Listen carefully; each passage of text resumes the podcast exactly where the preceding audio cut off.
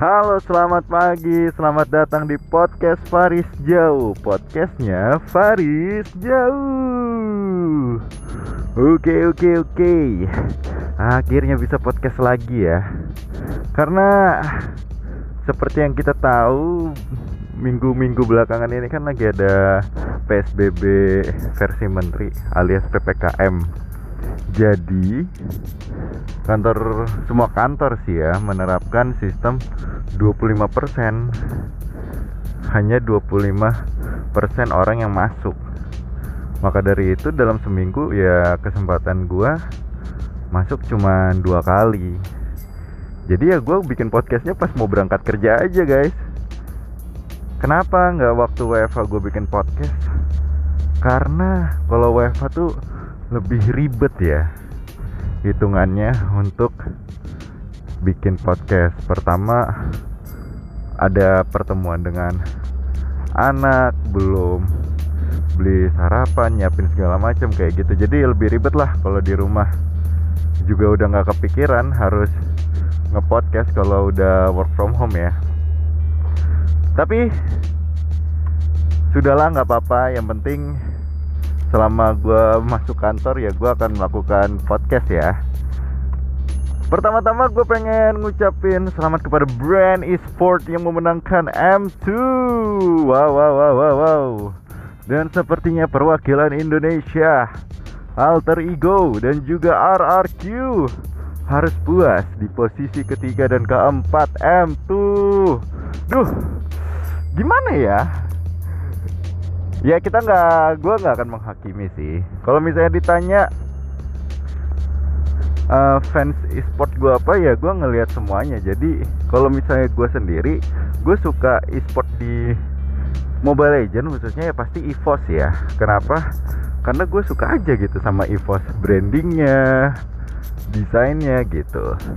Cuman gak menutup kemungkinan gue juga melihat oh ini player lain bagus segala macam gue pasti ngeliat semuanya.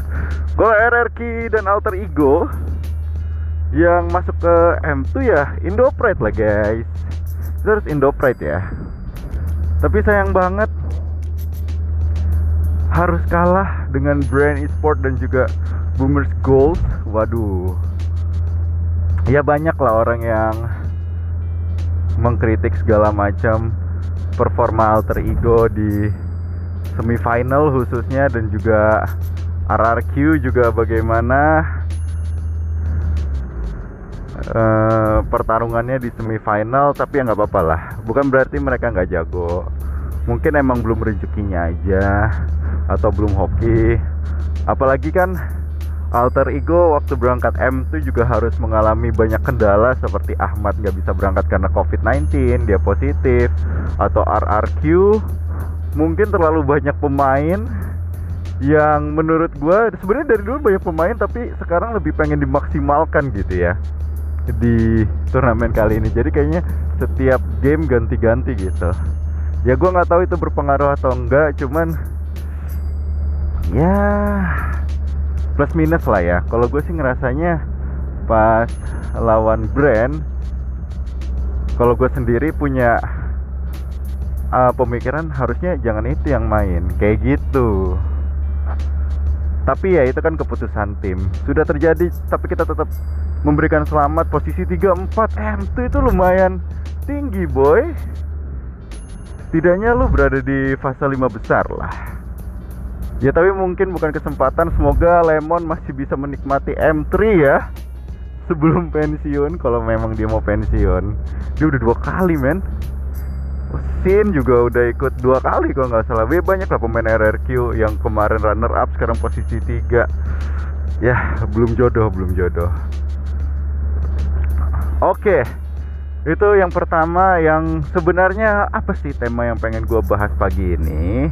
Pagi ini tuh gue pengen bahas tentang game ya. Ya bisa jadi hanya game Mobile Legend, bisa jadi semua game.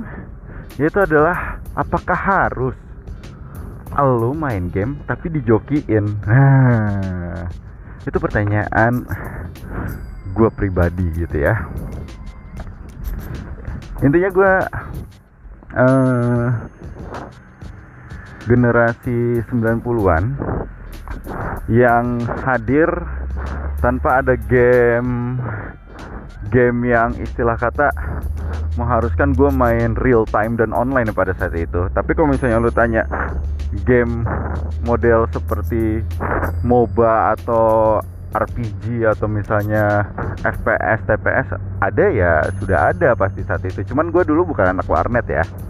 Gue lebih anak rental karena kebanyakan gue main game konsol.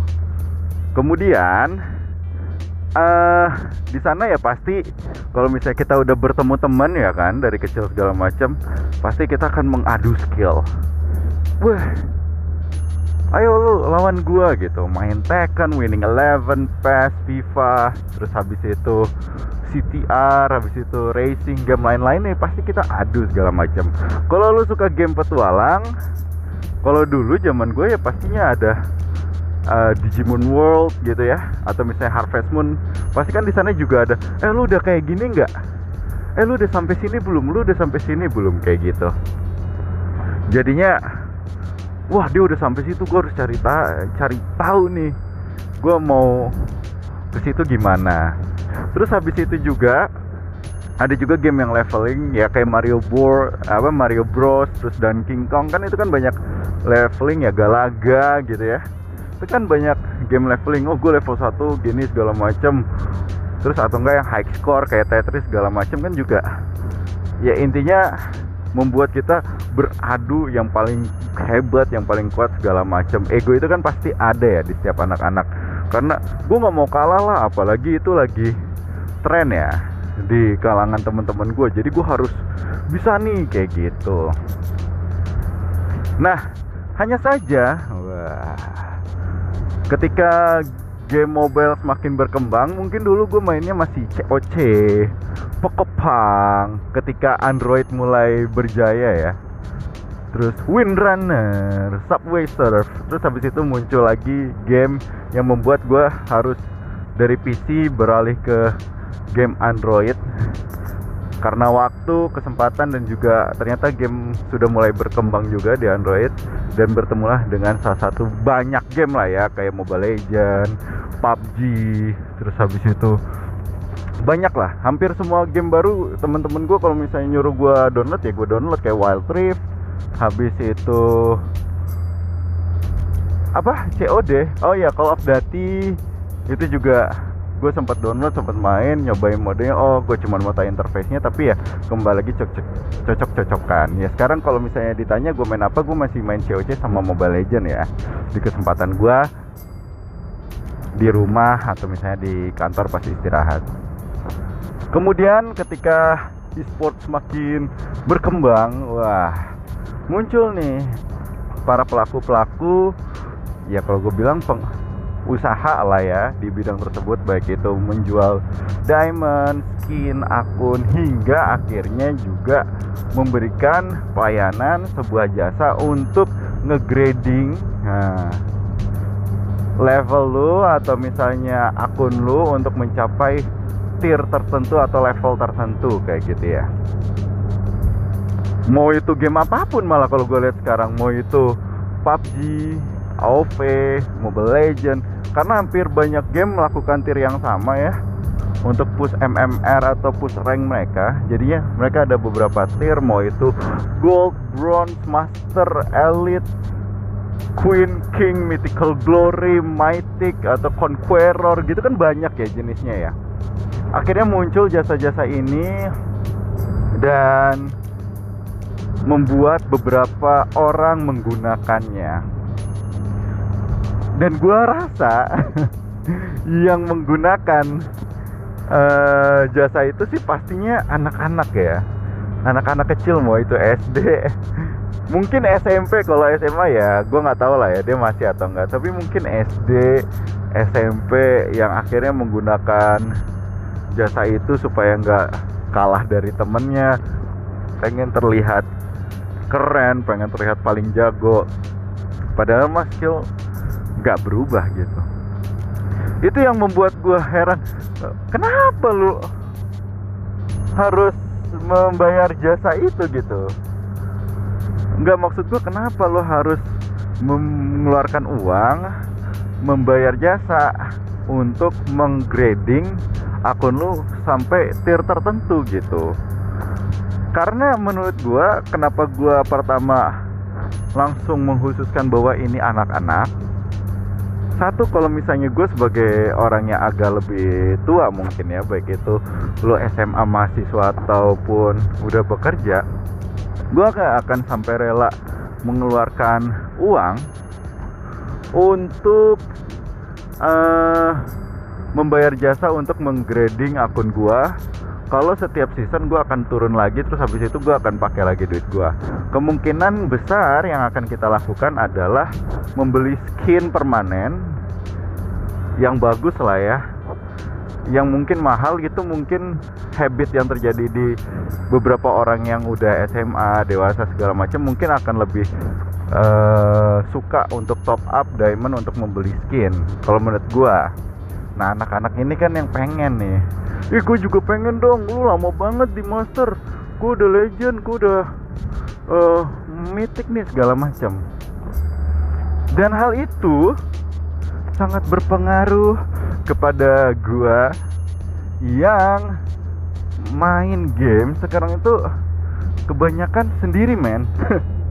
Karena gue udah nggak kuliah lagi gue sekarang fokusnya adalah bekerja jadinya wah itu tuh berpengaruh banget apalagi gue pulang kerja terus habis itu cuman punya waktu terbatas karena besok gue harus bekerja lagi misalnya.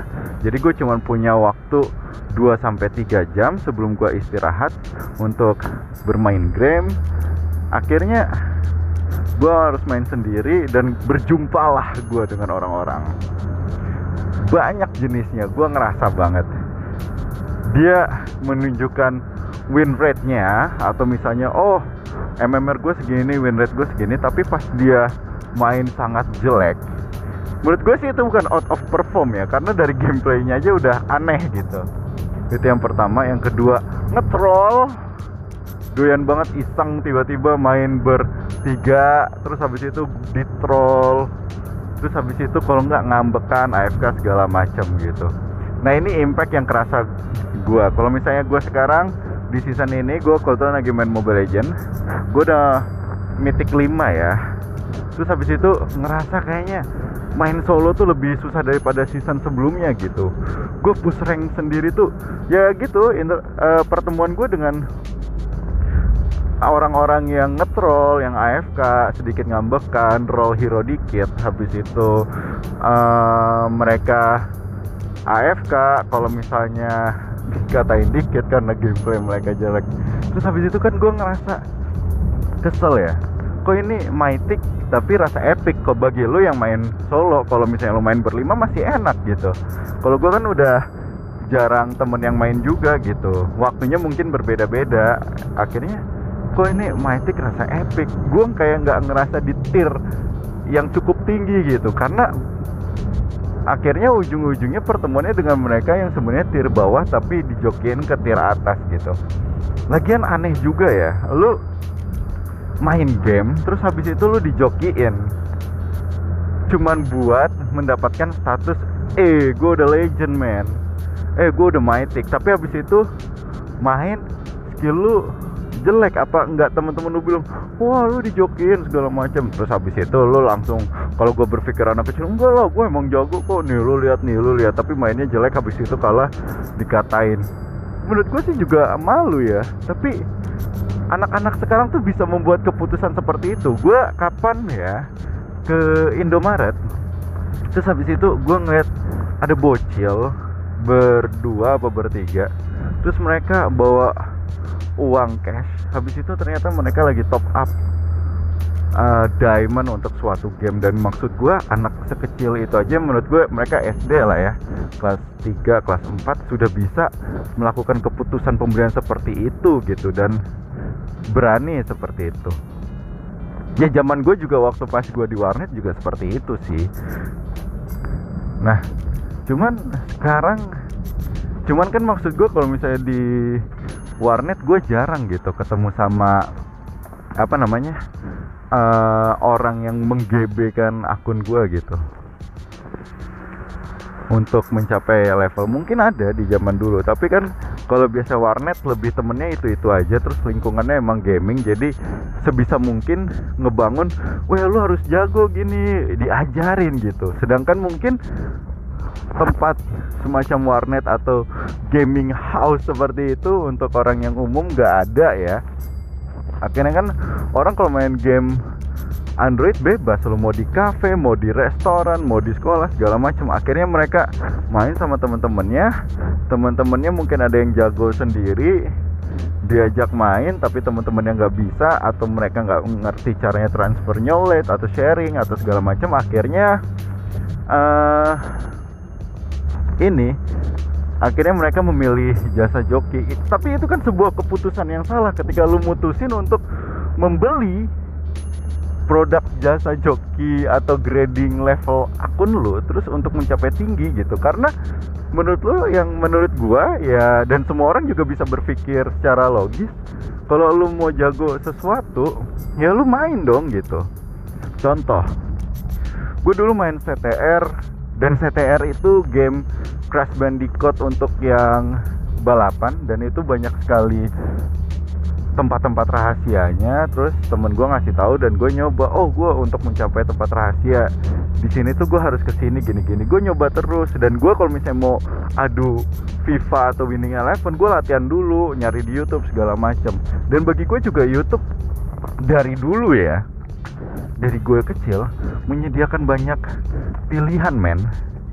Pilihan uh, video. Contoh gue kalau main Digimon atau Harvest Moon dulu gue dikasih walkthrough ya. Di banyak banget itu.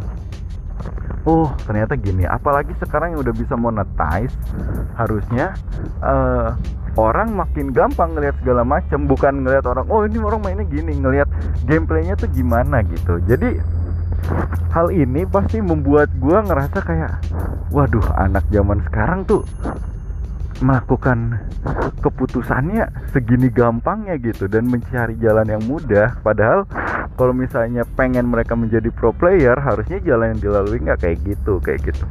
Dan menurut gue juga game Android itu nggak wajib lu harus main rank gitu ya atau push MMR gitu ya. Karena apa? Ya semua game pasti memberikan uh, pilihan lu untuk tutorial atau misalnya tempat lu untuk praktis atau tempat lu untuk custom segala macam tuh pasti semua game dari dulu tuh ada kayak gitu. Bahkan game zaman dulu nggak ada ranknya cuman top high score doang dan itu nggak online gitu. Lu mengalahkan diri lu sendiri gitu. Jadinya kita berpacu untuk mengalahkan best score yang ada gitu.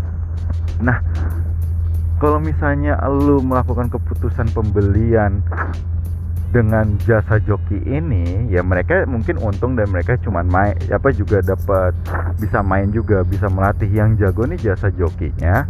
Lu cuman dapat status doang gitu.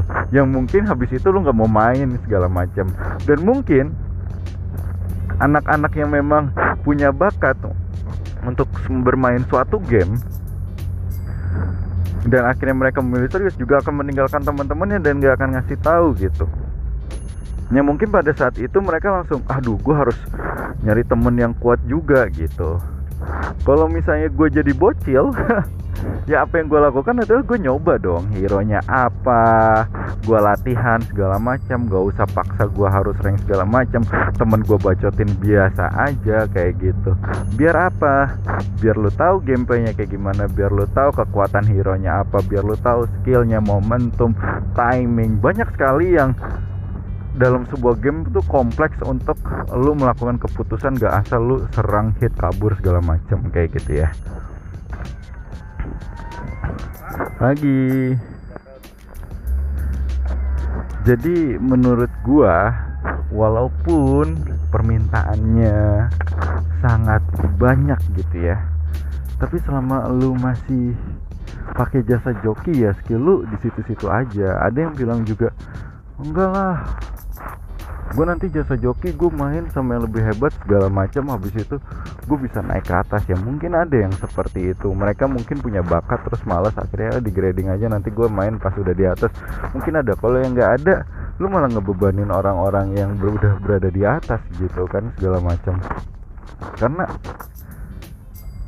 penting apalagi kalau misalnya buat kalian yang pengen jadi pro player atau misalnya pengen masuk ke scene e-sport entah itu mau jadi apa pun gitu ya.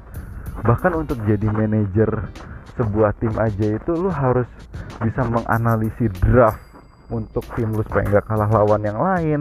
Habis itu lu juga harus bisa menilai performa tim lu seperti apa. Jadi banyak banget tempat atau lowongan di e-sport yang nggak bisa lu dapat secara mudah pastinya. Dan gue yakin semua orang sepakat dan sama dan emang kalau misalnya jalurnya terjal dan lu harus latih ya lu lakukan gitu. Lu punya 365 hari men. Untuk bisa menguasai satu hero aja mungkin dalam waktu seminggu praktis itu udah cukup gitu.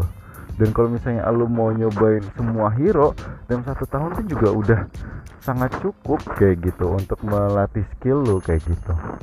Ya selama ada jasa joki ini gue rasa gue tidak ingin memutuskan mata pencaharian orang ya tapi bagi gue ekosistem dan lingkungannya akan selalu jelek gitu. Karena gue yang main sendiri pun gak akan pernah tenang gitu. Gak pasti akan ngerasa bad mood segala macam kayak gitu. Dan mungkin ini akan terjadi terjadi banyak ya terjadi terjadi di game mana pun gitu. Selama ada yang pakai jasa joki selama pakai cheat segala macam. Bahkan itu akan berimbas pada game itu sendiri kayak gitu. Dan juga tidak membiasakan orang dan anak-anak untuk bermain secara benar dan fair play dan juga fair game dan melupakan kekuatan mereka bakat mereka seakan-akan mereka oh gue tuh punya kekuatan harus diasah. Mungkin gue punya bakat tapi gue harus latihan keras. Ada juga yang gue mungkin uh, punya bakat gak perlu usaha keras tapi udah bisa ngerti segala macam. Setiap orang kan punya sesuatu yang berbeda entah itu mekanik mikro analisis dan juga draft atau misalnya bagaimana mereka berpikir kan beda-beda. Yang pasti itu bisa ditampung dari setiap game yang ada karena tingkat kompleksitasnya juga udah makin tinggi semakin lu bisa mengejar itu ya semakin baik semakin lu bisa mengasah diri skill lo karena mungkin lu sekarang ngelihatnya wih gila pro player sekarang makin banyak segala macam ya kalau gue lihat mungkin 100 sampai 1000 orang tuh sampai 2000 orang ya ada. Cuman maksud gue regenerasi kan juga terus ada. Lu kita di Indonesia men hampir 300 juta jiwa lebih gitu. Tapi kenapa yang masuk sini sport cuma 2000 gitu? Kenapa nggak banyak? Ya mungkin lu sekarang yang pakai jasa joki mendingan berhenti kalau pengen fokus ke sana dan mending latihan dan juga tutup kuping. Walaupun lu jelek nggak apa-apa jelek. 365 hari lu mungkin jelek cuma satu bulan. Tapi kalau bulan depan lu bisa ngangkat tim lu bahkan lu bisa dapat teman-teman baru dari game lu kan lebih bagus jadi itu dia tentang podcast gua hari ini. Kenapa kita harus menggunakan jasa joki di game game apa pun itu ya. Karena gue udah sampai kantor jadi gue hentikan podcast hari ini sampai di sini. Thank you banget yang udah dengerin. Dan tinggalin komen apakah kalian setuju atau enggak tentang pendapat gue perlukah sebuah kita menggunakan jasa joki dalam game atau tidak. Sampai jumpa besok di podcast selanjutnya. Dadah